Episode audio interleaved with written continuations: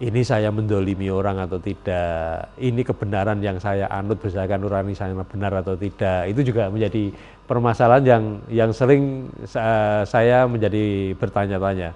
Bahkan di dalam banyak cerita kan eh, saya lupa itu hadis atau bukan ya, itu kan ada kata-kata katanya sebagian besar penegak hukum itu tidak akan masuk surga gitu kan. Nah itu yang membebani saya betul itu.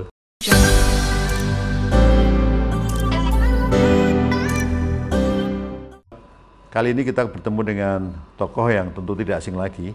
Beliau adalah Bapak Agus Rarjo, Ketua Komisi Pemberantasan Korupsi. Seperti kita ketahui bahwa KPK eh, sebagai lembaga anti rasuah yang betul-betul handal di negeri ini.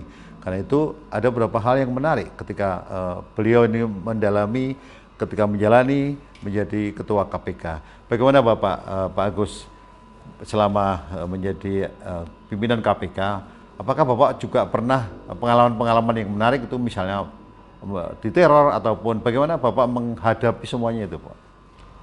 Uh, terima kasih. Jadi kalau saya berbicara mengenai memimpin KPK memang pengalaman yang jauh berbeda dengan pengalaman saya yang lalu walaupun saya juga pernah memimpin lembaga seperti lembaga kebijakan pengadaan barang jasa pemerintah sangat sama sekali berbeda dan bebannya memang cukup berat ya, karena banyak kasus yang kemudian kasus itu eh, kadang-kadang eh, melibatkan tokoh-tokoh besar di negeri ini. Oleh karena ini kalau ditanya pengalaman saya memimpin dan eh, apakah pernah diintervensi atau pernah diteror, eh, terus terang kalau intervensi dalam banyak kejadian memang sering terjadi ya. Eh, pesan dari sana sini pesan dari uh, banyak orang itu sering terjadi. Tapi saya sangat menjaga selalu pengen KPK itu tetap independen. Dan untuk menjaga independensi itu salah satu yang penting adalah mempergunakan nurani ya. Ini harus kita berpihak kepada kebenaran. Walaupun kadang-kadang kebenaran itu bagi setiap orang itu berbeda. Nah, jadi oleh karena itu nurani saya, kemudian nurani uh, para pimpinan yang lain yang kami berlima, kemudian sering kami uh, apa diskusikan dan pada akhirnya juga pengambilan keputusan. Dan sering, yang sangat sering keputusan itu uh, karena kolektif kolegial biasanya lima itu kemudian menyetujui, tapi dalam banyak kasus juga kadang-kadang uh, tidak semuanya bulat. Tapi itu menjadi suatu proses yang tadi menguji nurani tadi. Nah mengenai mengenai ancaman, mengenai apa teror, eh, kalau kejadian peristiwa orang menaruh bom palsu di rumah saya mungkin sudah sering diketahui, ya sudah disiarkan lu, secara luas.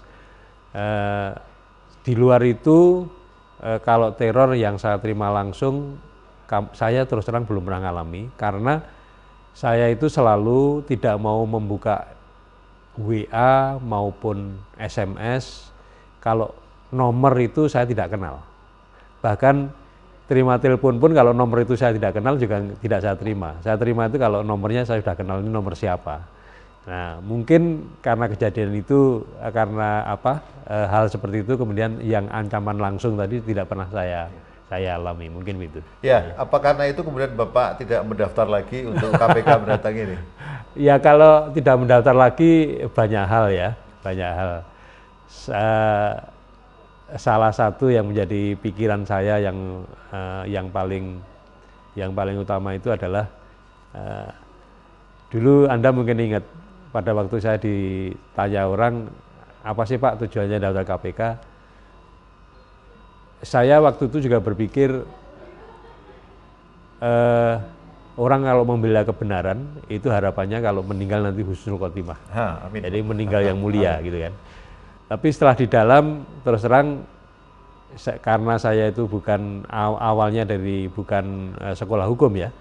Kadang-kadang apa yang saya lakukan itu juga menjadi tanda tanya di dalam hati kecil saya ini saya mendolimi orang atau tidak, ini kebenaran yang saya anut berdasarkan nurani saya benar atau tidak, itu juga menjadi permasalahan yang yang sering saya menjadi bertanya-tanya.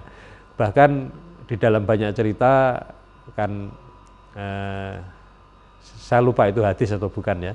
Itu kan ada kata-kata katanya sebagian besar penegak hukum itu tidak akan masuk surga gitu kan. Nah itu yang membebani saya betul itu.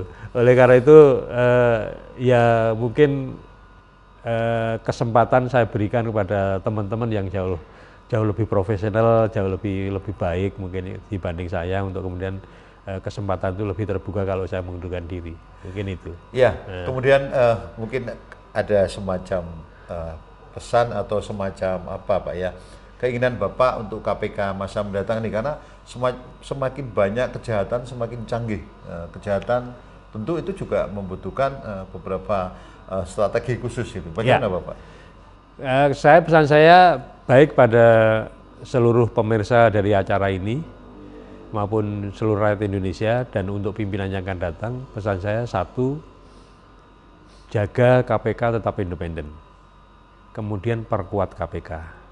Pengalaman menunjukkan KPK menjadi salah satu uh, lembaga yang uh, cukup baik dibandingkan dengan dan cukup eksis dibandingkan dengan lembaga-lembaga sebelumnya yang kadang-kadang umurnya hanya uh, beberapa bulan, beberapa tahun ini lembaga yang eksis dan prestasinya cukup lumayan ya walaupun perlu perlu harus ditingkatkan.